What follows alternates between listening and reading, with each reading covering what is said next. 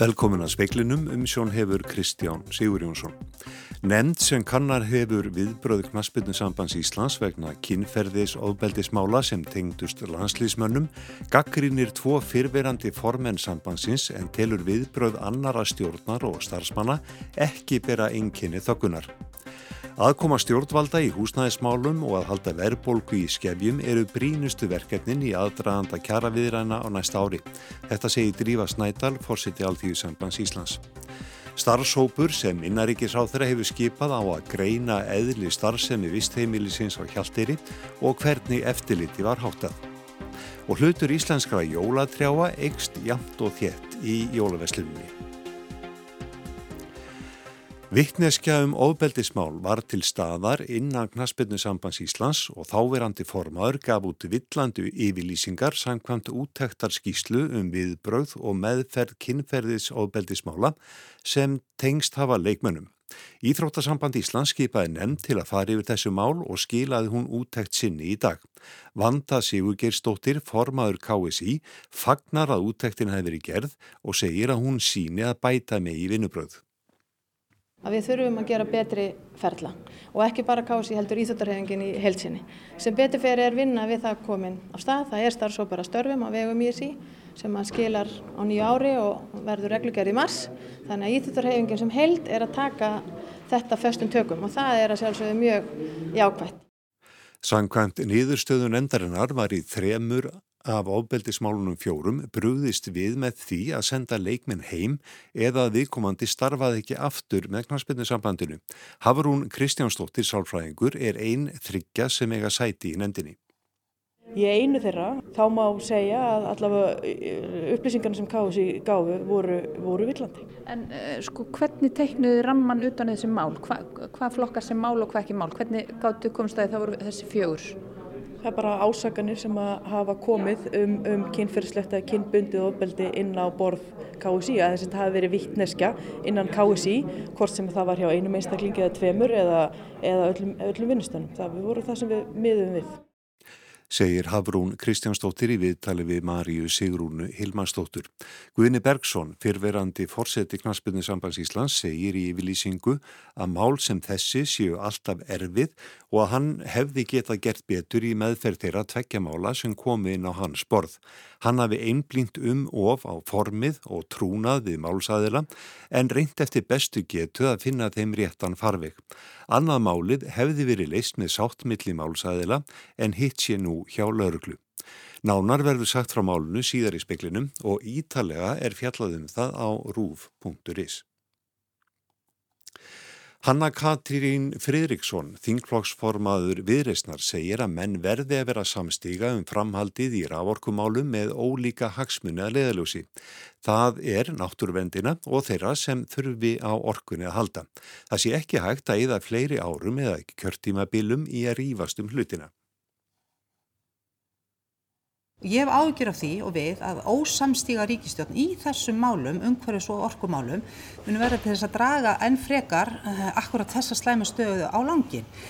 Það er, er eiginlega bara hræðilegt að hugsa til þess að við erum að sóa með yfirfalli, til dæmis í hálslóni, þeirri orku sem digði til að keira loðunubræðsluna nú í komandi vertíð uh, út vertíðina. Þetta er eins og Eh, öll þjóðinn temdi sér að setja opnana á fullt og galopna svo glukkana í frosti. Það er þannig sem við erum að fara með svo orku og þarna þarf að vega og meta rosalega vel saman mismunandi hagsmunni. Það er að segja náttúruvöndina og hagsmunni þeirra sem þurfa á orkuna að halda.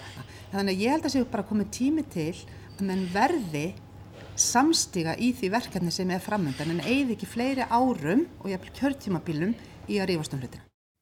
Sagði Hanna Katrín Fridriksson. Jóhanna Vítis Hjaltadóttir talaði við hana. Jón Gunnarsson, innaríkisáþra, hefur skipað þryggjamanna starfsóp til að fara yfir starfsemi vistheimilisins á Hjaltiri. Hópurinn á að greina eðli starfseminar og hvernig eftirliti var háttað. Mikil umræða hefur verið um starfsemi barnaheimilisins á Hjaltiri sem starfrækt var á áttunda áratögnum í kjölfar umfjöllunar fréttastofu stöðvar 2. Starfsópur hefur verið skipaður til að kafa ofan í málefni heimilisins. Vigdís Hassler Sveinstóttir lögfræðingur hefur fórustu fyrir hópnum. Auk hennar eru Haldur Þormar Haldursson umsjónamaður Sangirnisbóta og Áskir Ört Blönda lögmaður í hópnum. Ásker segir að vinnan sé þegar farin af stað. Ég helstu verkefni hópsins eru að, að greina eðli þessa heimilis á hjálpiri og, og svona lýsa því aðeins hvernig óbyrgur eftirliti var háttað og svo auðvitað skila þá tilugum til, til stjórnvalda um, um, hérna, um einhver möguleg viðbröð og, og þá frekari afmörkun á, á þessu verkefni. Það eru ekki að fara að ræða við þá sem þarna voru eitthvað slikt? Ekki á þessum tímapunkti, þetta er svona kannski einhvers konar undirbúningsvinna að, að, að framhaldi málsins. Hvernig sjáu þið fyrir ykkur að skila af ykkur einhverju nýðistu? Það liggur í sjálf og sér ekki fyrir afmarkaður tímaram í, í, í því samviki en, en, en við munum hérna að vinna verkefni eins, eins hratt og, og vel og við mögulega getum. Sagði Ásker Örn Blöndal, Óðinsvann Óðinsson tók saman. Þingmenn grænlendinga á danska þinginu hafa líst ánægi með að gerti ráð fyrir auknum útgjöldum til félagsmála að grænlandi í sankumlægum fjárlög Damerkur. Meiri hluti danska þingmanna náði í gæð samkominnlægum fjárlög næsta ás. Samið var sérstaklega við færiska og grænlenska þingmenn um útgjöld til færi og grænlands næstu fjögur ár. Þau útgjöld nema rúmlega einum og halvu miljardi og langmest fer til félagslegra verkefna sem tengjast grænlandi. Þannig er gert ráð fyrir tæplega 50 miljónum íslenskra króna til ráðstafana til að draga á sjálfsvígum og um 340 miljónum til barnahúsa á grænlandi. Aki Matilda Högdam, þingmaður jafnaðamannaflokksinn Síumút, fagnar því sérstaklega að gert sér ráð fyrir aðstóðið heimilislösa grænlendinga bæði heima fyrir og í Danmörku. Kúfóskólinn í Núk sem aðstóðar þá sem að hafa orðið undir í samfélaginu færum 40 miljónir króna árlega. Forstuðum að skólans er Íslendingurinn Guðmundur Þorsteinsson sem hefur búið í marga ára tíu á Grænlandi. Þá stendur til að koma upp barnahúsum í Tasilak, í Lúlisat og Manitsok og Æja Kemnitz Larsen frá stjórnafloknum í Já segir að það sé afar mikilvægt.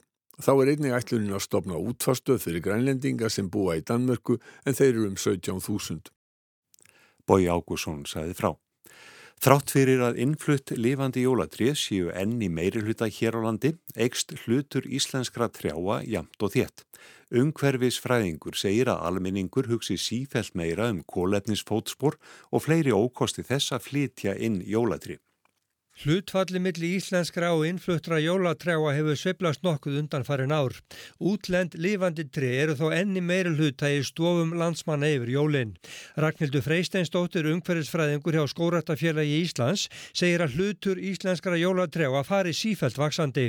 Það er náttúrulega bæði þá hafa skórtafélagin sem alltaf verið með tölverst af jólatrjám eh, til sölu og, og líka náttúrulega bóði fólki að koma til skó og fella sjálftrið og svo eru nú ykkar núna á þessu síðust árum að koma svolítið inn meira skóar bændur. Skóar hjá þeim er að komast að það aldur að, að þar eru að verða komin góði jólatri. Hún segi það aðalega tvent sem valdu því að fólk velji íslensk tre. Annars vegar náttúrulega er það að þegar þetta flytti inn svona lifandi jólatri þá getur alltaf flytti inn einhverja óværi með sem við náttúrulega helst ekki fá í skóuna hjá okkur og svo er líka núna náttúrulega farið að horfa meira í sannleikið loslasmála á kólunni fótsporið. Þá sé það auðkast að fjölskyldur farið saman út í skó til að velja sér jólatri. Það sé líka besta leiðin fyrir þá sem gerir mestu kröfunar. Sem við vilja kannski há og mjó eða lítil og feit eða sem er kannski ekki alveg samkvæmt stafasniðin í búðunum og þá er þetta takkifæði fyrir þá. Þetta var Ragnhildur Freisinsdóttir, Ágúst Ólafsson talaði við hana.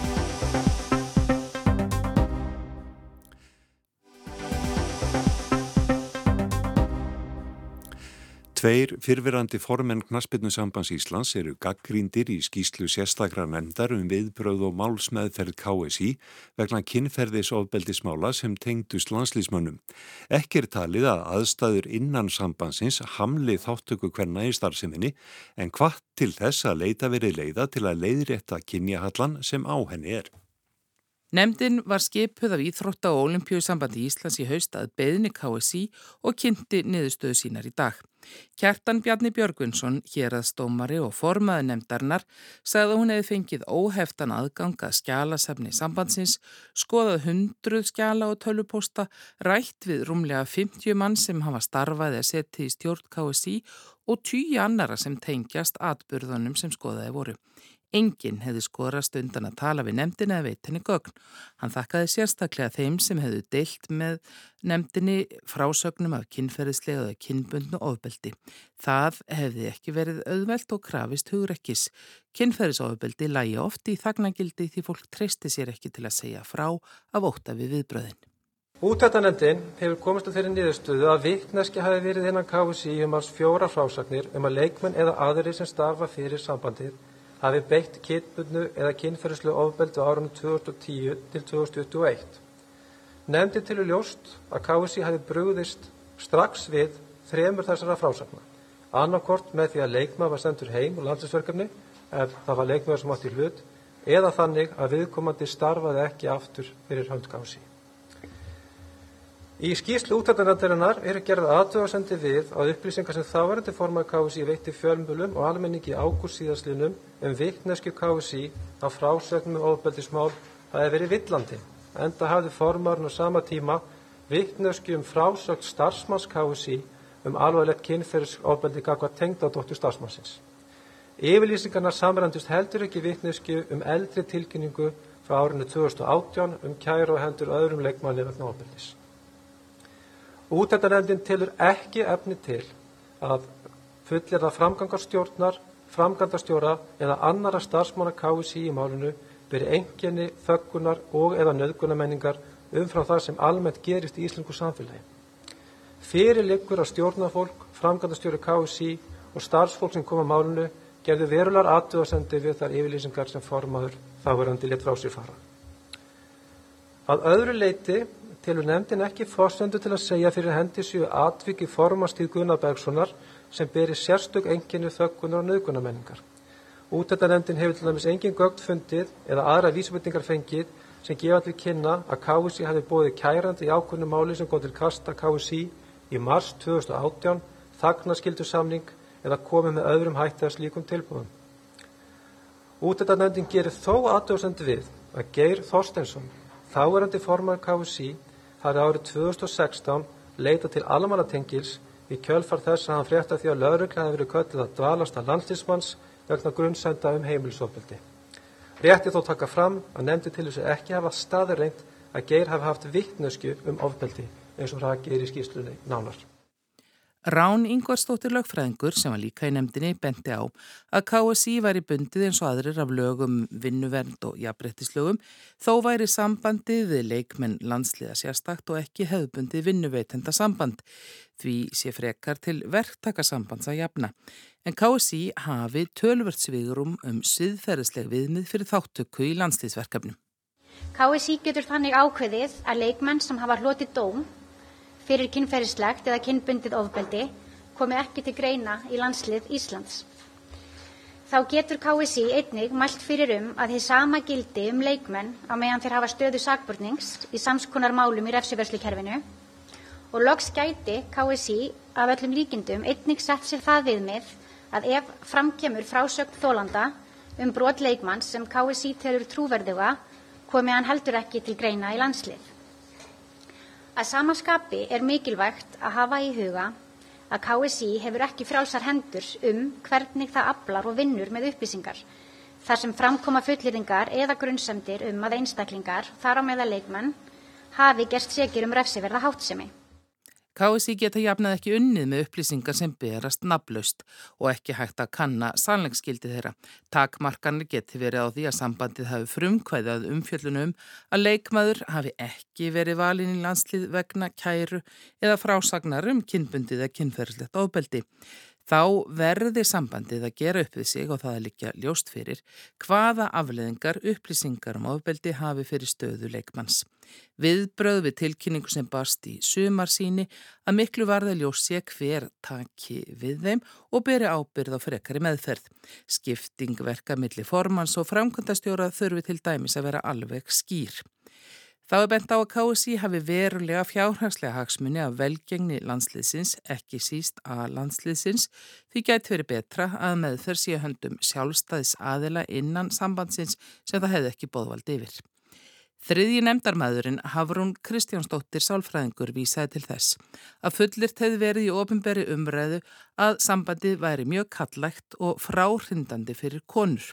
Þó að fáar konur störfuð þar í stjórn og skrifstofu væri samt ekki hægt að draga þá álíktun af viðtölum og gagnum sem nefndin skoðaði að nokkuð innan KSI hamlaði þáttöku kvenna í starfseminni. KSI starfar hins vegar innan hins alþjóðlega knaspin heims þar sem hallað hefur á konur allt frá upphafi og tekjur af karlaknaspinu eru margfaldar á við tekjur af kvennaknaspinu og slíkt hefur óhagkvæmlega áhrif á alla starfsemi KSI. Við tellum það ljóst að KSI hafi beitt sér með virkum hætti á síðustu árum til þess að jafna aðbúnað karla og kvennalandsliða og hefur það gengið vel.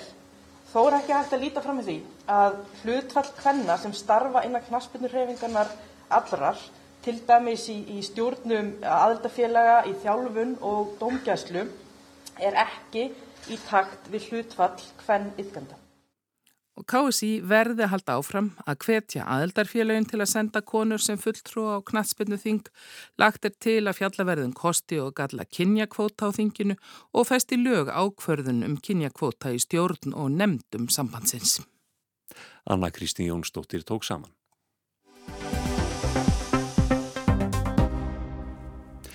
Lífskjara samningurinn gildir til annars nógum fyrir næsta ári. Fórustu fólk atvinnureikenda og verkefliðsreyfingar er sammálum að viðræður um nýjan kjara samning þurfa að byrja sem fyrst. Stjórnvöld sendi þau skilabóði í fjárlaga frumarbi næsta árs að kjara samningar á næsta ári endur speikluðu efnahagsli skilirði og skiluðu farsætli niðurstöðu. Hvernig skilur drífa Snædal fórseti Alþýðusambands Íslands þau orð? Þetta er nú svo margt eins og er í stjórnarsáttmálanum og fjárlagafrömmarpinu að það er svolítið opið tólkunar. Við að sjálfsögðu ætlustu þess að kjara samningar á næsta ári skili farsælið niðurstuðu. Farsæl niðurstuða í okkar huga er það að kaupmáttur hérna aukist, að velferðarkerfið, að þjóni fólki. Það sem mun ráða úrslitum inn í kjara samningar á næsta ári er til að mynda húsnæðismálinn sem er eitt stærsti úgjaldaliður heimilana. Það er stefna alþjóðisambansins að fólk greið ekki meir en 25% af tekjum sínum í húsnæðiskostnað. Við erum óra veg frá því núna. Margir eru með afskaplega íþingjandi húsnæðiskostnað. Við bætist núna að það er að skella á verðhækkanir á helstu nöðsinum, mat og bensíni. Þannig að það þarf stór áttak til þess að verja lífskjörin. Þannig að þessir þættir, húsnæði, eldsneiti og matur fari ekki langt með að geta upp þær launahækkanir sem við söndum um 2019. Að því sögðu að því það er oft talað um að kjæra samlingarna í 2019 hafi ekki endur spekla þá kreppu sem við erum í núna. Það langar mér að minnast á það að kjæra samlingarnir 2019 sem stundum eru kallaði lífskjæra samlingar, þeir voru gerðir í fullkomnu óvissu ástandi. Þeir voru gerðir rétt eftir að áfóra hausinn, þannig að þetta eru óvissu og kreppusamlingar. Það var mjög mikið inn í þeim lofur frá stjórnvöldum, skattabreitingar, ígjöf í húsnæðismálinn, veði á vakstalekkanir og svo framvegis til þess að draga úr þrýstingi á launahekkanir þannig að kjarabætur kemur fram með alls konar öðrum hætti. Við erum enþá í þeirri stöðu að tryggja það að utan á komandi þættir spili inn í kjara viðröður og kjara samninga og eins og áður sagði þá eru húsnæðismálinn þar efstablaði. Finnst þér hafa verið bröðist við þeim málum, húsnæðismálum dýrtíð? Það voru mikil vonbrið þegar við sáum fjárlega frumvarpið að þar er ekki bóðuð stórsókn í húsnæðismálum sem þörfur á, sannarlega. Það er líka ýmslegt í húsnæðismálum sem myndi vera til hagspota fyrir leyendur og eigendur sem að þurfi ekki að kosta og það var heldur ekki í stjórnarsáttmálanum. Við viljum fá leigubrems inn í lög, við viljum að viðkjönd sé valda laus staða leyenda á markaði. Síðan eru ymsir aðrir þættir sem við höfum viljað skoða til lengri tíma. Það er til dæmis að skilja á milli fjárfæstíkastarsemi og lánastarsemi banka og fjármálastofnana til þess að húsnæðis liðurinn sé algjörlega utan svega, hann sé stakur. Þannig að það sé mjög gegnsætt hvað fólk er að greiða í vexti og álugur af húsnæðislánunum sínum, að það sé ekki verið að búa til gróða fyrir fjármælsegundur í leðinni húsnæðismarkar ná að vera til þess að tryggja húsnæðisöryggi en á ekki vera leikvellur fjármagseganda. Hvað er mikilvægast að ykkar mati að rætt verði í aðdraðanda kjara semninga november 2022? Er það húsnæðismálinn verðbólgan? Það eru húsnæðismálinn og í húsnæðismálunum er náttúrulega hangir saman kostnaður fólks af húsnæði, hvort sem það er hitt og ramagn eða vextir af lánum, verðtrygging, húsalega, inn í þetta kemur vakstabætur og húsalegubótakerfið, þessi tilfærslu kerfi sem eru á vegumins opiðbera til að gæta því öfnið í samfélaginu. Þannig að ef við tökum húsnæðismáli sem heldapakka þá er það augljóslega stærsta viðfársefnið á næstunni. Síðan höfum við töluvert miklar ágjur af dýrtíð, af hækkunum á nöðsynjavörum sérstaklega og við krefjumst að sjálfsögðu viðbrað stjórnvalda við því hvort sem það er í gegnum skólaækkun vörugjalda eða hvernig sem það er gert. Það eru við að fara að ræða við stjórnvalduna. Frankvanda stjóri samtaka aðtunlífsins sagði í speklunum í gæri að lífskjara samningarnir hefði ekki verið gerðir í COVID ástandi. Þarna kom breyta inn sem að í raun og veru breytti öllu og að það þurfi að leiðrétta þetta eins og hann orðaði í, gær. Tekur undir það? En svo ég sagði að hann sko lífskjara samningar þú voru gerðir í óvissu og kreppuastandi eða það er að segja að það var algjörlega óljóst hvaða afleðingar fall á er myndi hafa á Íslands efnaðarslíf. En svo bætis COVID við? Svo bætis COVID við, vissulega og auðvitað er þetta búið að vera mjög lifandi umræða núna á þessu samningstímabili. Í þessu sambandi er gott að minnast að það í september að þá komust við að þeirri sameilu niðurstöðum fórsendu samningana veru brostnar að því að stjórnvöld hafði ekki uppfyllt sinn hluta af samningunum. Eftir það hafðu bæði aturreikundur og launafólk möguleika að segja upp þessu samningum. Við tókum bæði sjálfstæða ákvörnum að gera það ekki. Það þýðir að samningar standa og þar með talin hagvæstaraukin sem var nú settur inn að frumkvæði aturreikata og útferður af þeim.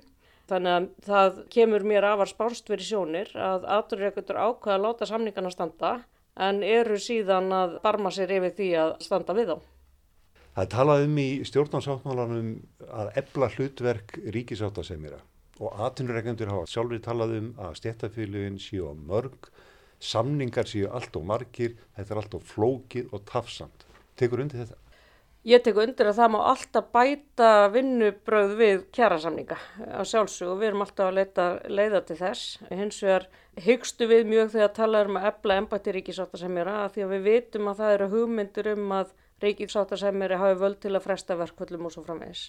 Við segjum verkvælsvopnið er eina vopnið, raunverulega vopnið hendum launafólks og það á ekki að skerða það. Við skulum líka hafa í huga að þetta vopn launafólks er undirstaðan af velferðarsamfélagin okkar í dag en það hafa stæstu sigratnir náðst í gegnum afskaplega hörð átök því miður hefur það þurft til. Stjættafélagin hafa verið að saminast mjög mikið undarfærin. Undarfærin svona 10-20 ár eru þau tölvört færri heldur þau voru Kjarasamningarnir eru mjög oft svona afritaðir á milli stjættafélaga. Þannig að ég tek ekkit endil undir það en það hefur sagan kent okkur að stjættafélag fara saman, gera sameilega kjarasamninga. Hvort sem það er verslunamenn sem koma sér saman eða verkafólk eða yðnaðamenn. Þannig að þetta er það að segja stjættafélagin í sjálfu sem sér á mörg, ég kveitt ekkit endil undir það. Svo skulum við hafa í huga að aturreikandur hafa líka vilja að sko fara með að norrætti fyrirmynd eh, launa á hverðan er meira út í fyrirtækið. Það fjölgar mjög þeim sjálfstæðu samningu sem þarf að gera. Þannig að ég myndi halda að væri okkur öllum í hag að halda áfram að gera þessa tiltölu að miðlaðu samninga sem við höfum verið að gera og sé ekki endilega tilmyndi þess að fækka stjættafélagun ef maður stjættafélagin sjálf takja ákvörnum að það sé best fyrir komið þannig. Lífskjara samningun hann stendur til 1. november 2022 verður næsta ár erfitt í aðdraganda nýs kjærasamnings? Það veldur á nokkrum hlutum og þá helst á samtali okkar við stjórnvöld af því að það er ímislegt sem stendur út af frá lífskjærasamningunum sem stjórnvöld átt eftir efna og það er áskoranir sem launafólk stendur fram með fyrir í dag að það sé verið að draga úr kaupmætti vegna húsnæðis, matar og bensíns. Það er allt á höndu stjórnvalda að mæta því. Þannig að staðan eins og ég metar núna að það er í höndu stjórnvalda hvernig við förum inn í viðræðinar á næsta ári. Saði Drífa Snædal, fórseti alltíði sambans Íslands.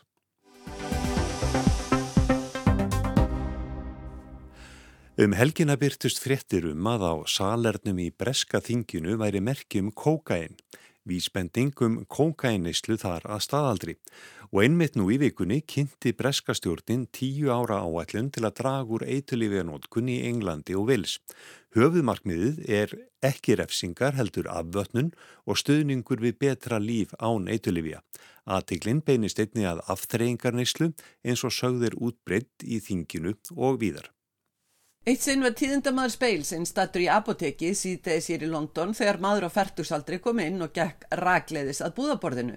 Maðurinn var snirtilegur til fara, leit út eins og þúsundir þeirra sem búa og starfa í höfuborginni. Umsjóðlaust kom livsali með lítið pappaglas sem viðskiptavinurinn tæmdi formálálaust, þakkaði fyrir og gekk út.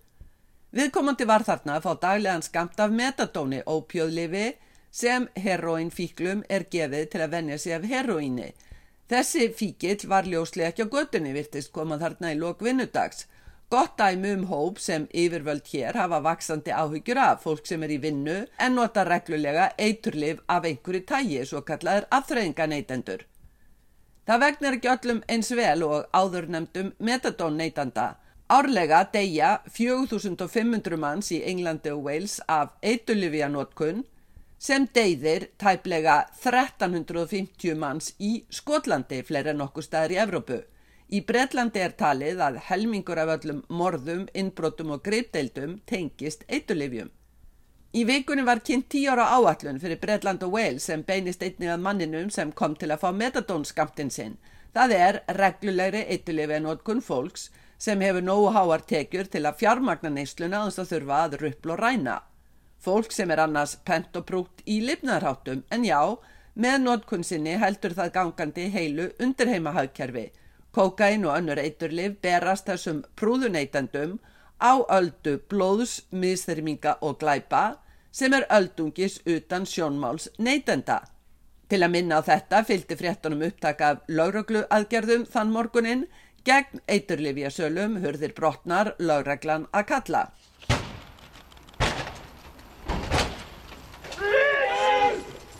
Og Boris Johnson fórsætsráður ekki langt undan í laurugluúlpu með laurugluhúfu tilbúin að ræða nýju áallun stjórnarinnar. Crime has been coming down overall in the, in the last couple of years but we're seeing a lot of problems caused by these 300,000 problem drugs users. Glæpum hefur farið fækkandi undan farin ára en stjórnin ætlar að beina aðgerðum að um 300.000 eiturlifja neytendum sem eru til mestra vandræða, sagði fórsætsráðara hjálpa neytendum sem eru flektir í glæpi, koma þeim í meðferð úr vítarhing þess að lenda aftur og aftur í fangelsi, þá að setja fjö í endurhæfingu, yfir halva miljón punta á fimm árum en líka taka harta á seljendum. We're not going to uh, sit idly by when you have uh, lifestyle users also uh, using uh, class A drugs and we're going to be coming down tougher on them. Og ekki horfa aðgerðalös á þessa aftreyingar neytendur, sem neyta harðra eitulifja líka taka harðar á þeim, sæði Johnson. Þetta eru neytendurnir sem er ekki til beitna vandraða geta fjármagna neysluna finnst áhættan lítil. Eitulifjanótkun sé þeirra engamál varði enga aðra því þeir séu ekki neinu ruggli. Þessu á að vinna gegn. Slíkir eitulifjaneytendur geta aftur hættu að missa tímabundið aukurskýrtinni eða vegabref.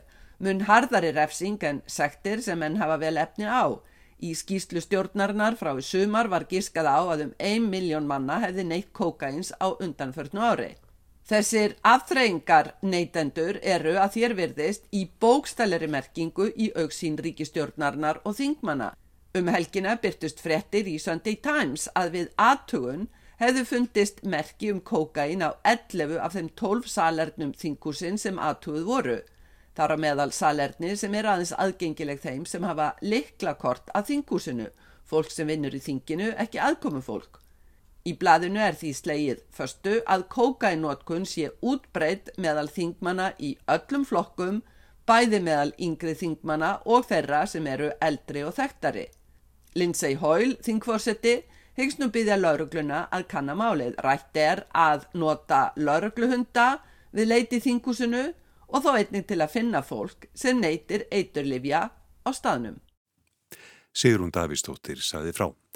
Það var meðal efnis í speklinum að nefnd sem kannad hefur viðbröð Knaspinnusambands Íslands vegna kynferðisofbeldismála sem tengdust landslýsmönnum gaggrínir tvo fyrfirandi formenn sambandsins en telur viðbröð annara stjórnar og starfsmanna ekki byrja einkenni þöggunar. Starfshópur sem innaríkisáþara hefur skipað á að greina eðli starfsemi vistheimilisins á hjáltiri og hvernig eftirliti var hátað. Og hlutur íslenskra jólatrjáa eikst jamt og þétt í jólavestunni. Fleira er ekki í speklinum. Markus Hjaltarsson sendi út verið sæl.